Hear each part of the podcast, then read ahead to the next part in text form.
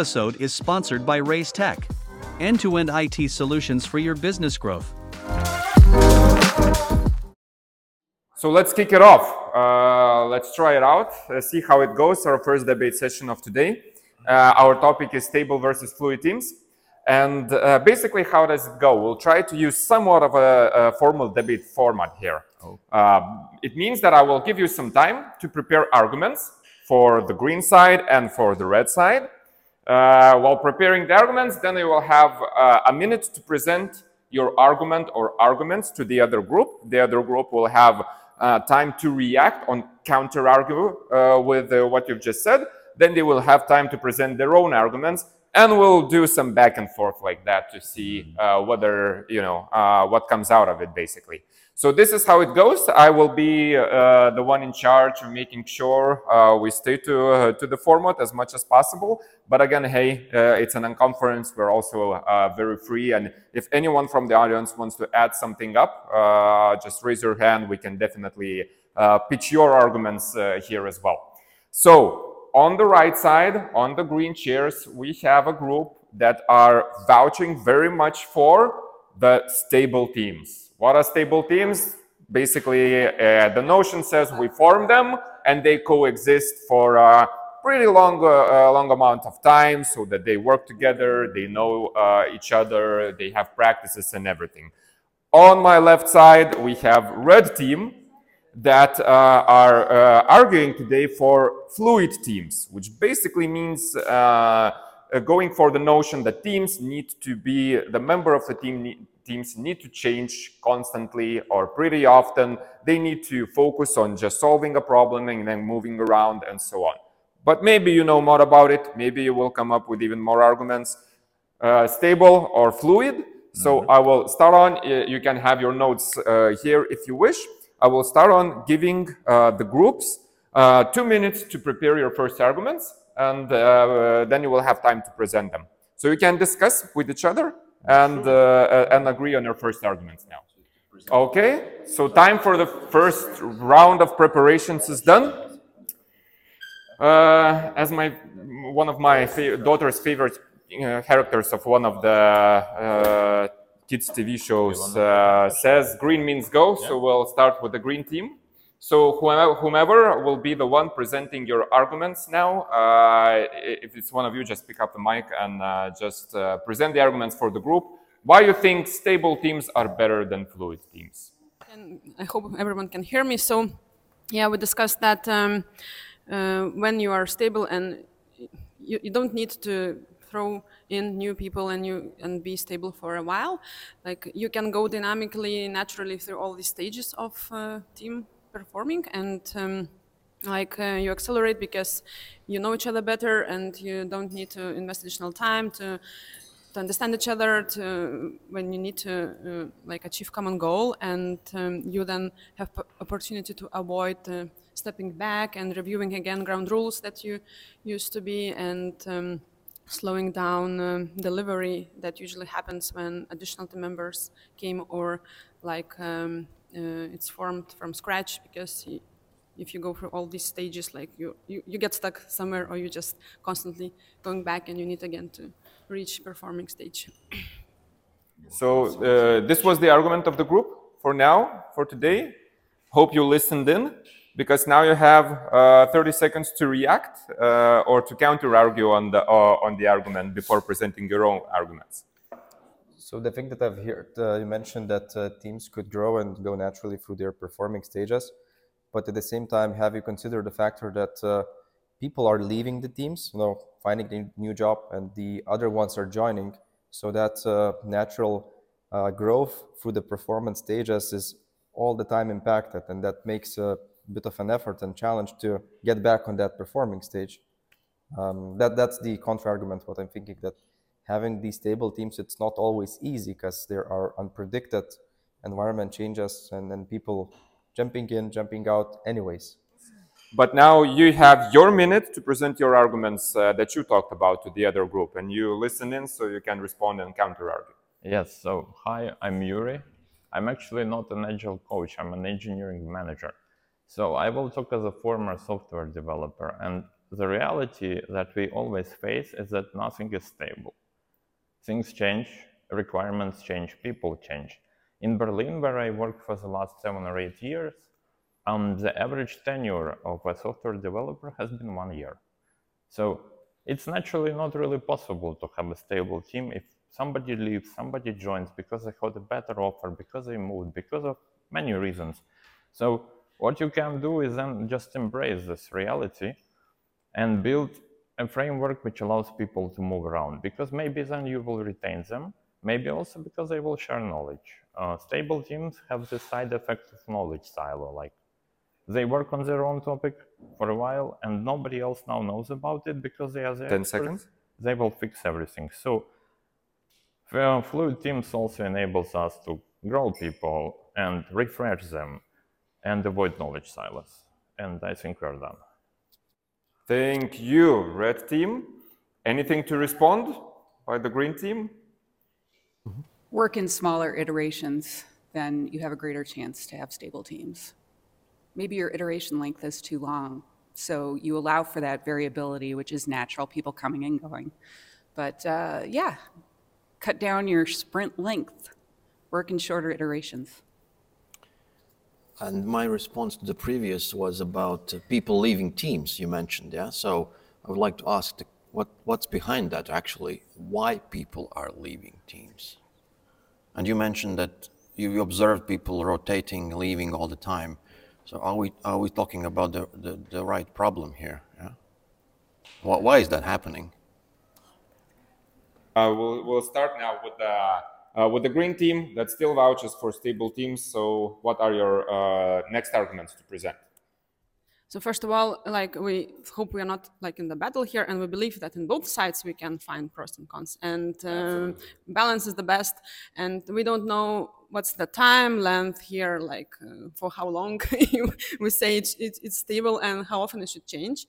Um, but for example, in, in terms of knowledge. Uh, they mentioned silos in knowledge, uh, but there are many ways how to get uh, knowledge uh, in the team, even if, if, it's stable for a longer time. So it's we don't see it as a problem. And what else we can add?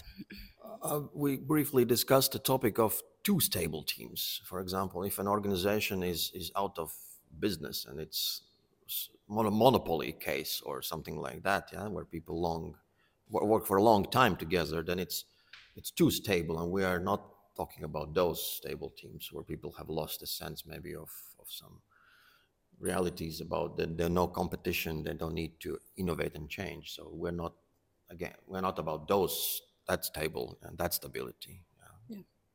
Mm-hmm. Just, just in defense of, of, of our. Yeah, and uh, like uh, we still need to find, we still. Uh, need to find like um, best sides of this uh, stability. Like we need to present something from stability and we see these uh, positive sides but we don't see that sometimes if change happens that it's uh, something wrong yeah. And it, it, yeah it depends what what stability is. Like is it one week or is it one yeah, project? so, exactly yeah. What about the climate of leadership and um, what you were talking about with like creating conditions for encouraging stability or stickiness in your company so people aren't leaving or something like that. And you can choose when people join which teams they might join um, to try to retain a sense of sameness if that's your goal. Um, organizational culture in a way organizational a, a, a place to be a place people want to work. Anything you have to comment or present your arguments? Uh, i have one uh, thing uh, that popped out in my mind uh, regarding uh, people living different uh, things. That's true.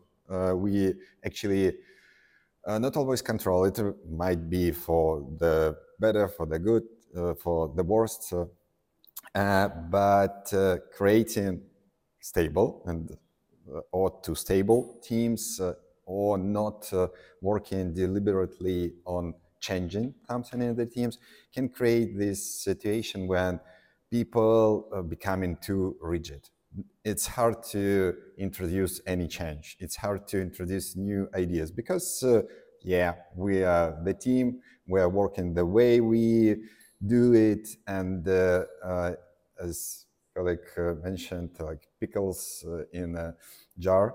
So you add in something new, and it, it's immediately immediately becoming the, the, the same pickle, and it's hard to change. So uh, fluid teams and it's of course a debatable uh, thing to what extent can create this. It's all about uh, uh, create this motion of uh, uh, interchangeable knowledge, uh, bringing in new stuff like the latest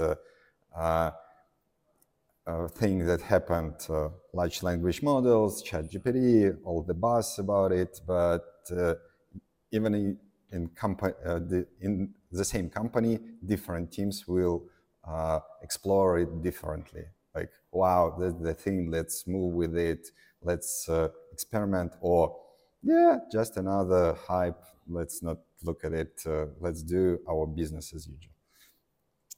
So just to add on top of uh, what colleague said and uh, what I've heard from, from this group, uh, it's obvious that we need to keep a balance somehow and we need to find the best ways what fits us. Uh, just usually what what i've noticed that the ones that are uh, more on the side having stable teams and that stability gets into the trap that they don't understand that it's not everything is stable and we need to be able to adapt and adjust to, the environment that we are in. And we discussed as well that some of the products that we're developing requires different effort. And uh, we might raise different goals to you know further improve that product. It requires different effort different knowledge. And by having a chance to have that fluidity uh, we can or the team can create itself around that goal to be achieved rather than having one stable the same team that consists of i don't know three to five uh, developers to whatever to, to deliver that stuff it might need much more or even less people And then we have that flexibility Okay, closing arguments uh, for our discussion. Uh, mm-hmm. Green team, anything to to add to finalize? If I may, yeah. yeah so, responding to Al, Al, Alexei's so uh, answer to this to the next next round of argument. So, I think that we, we need to remember one thing that there are no teams existing in vacuum. Yeah? All teams are part of some bigger organization and automatically means that somebody is recruiting those people, getting those people onboarding, and somehow allowing or, or assigning to teams or allowing to self-select teams. So it's about leadership. What I want to say, it's at the end of the day, it's about the leadership. So if, if we say that we don't control something or we, we can't control everything, well, yes and no, because in complex systems, it's hard to control all the parameters, but there are things very well known from management, uh, which are not new, like how to work with with people and and and think this leadership's responsibility to be able to control at least the basic structural and, and, and team forming decisions. How do we decide to do this in this our company? And I think if, if we lose that control, then it's a different problem Yeah.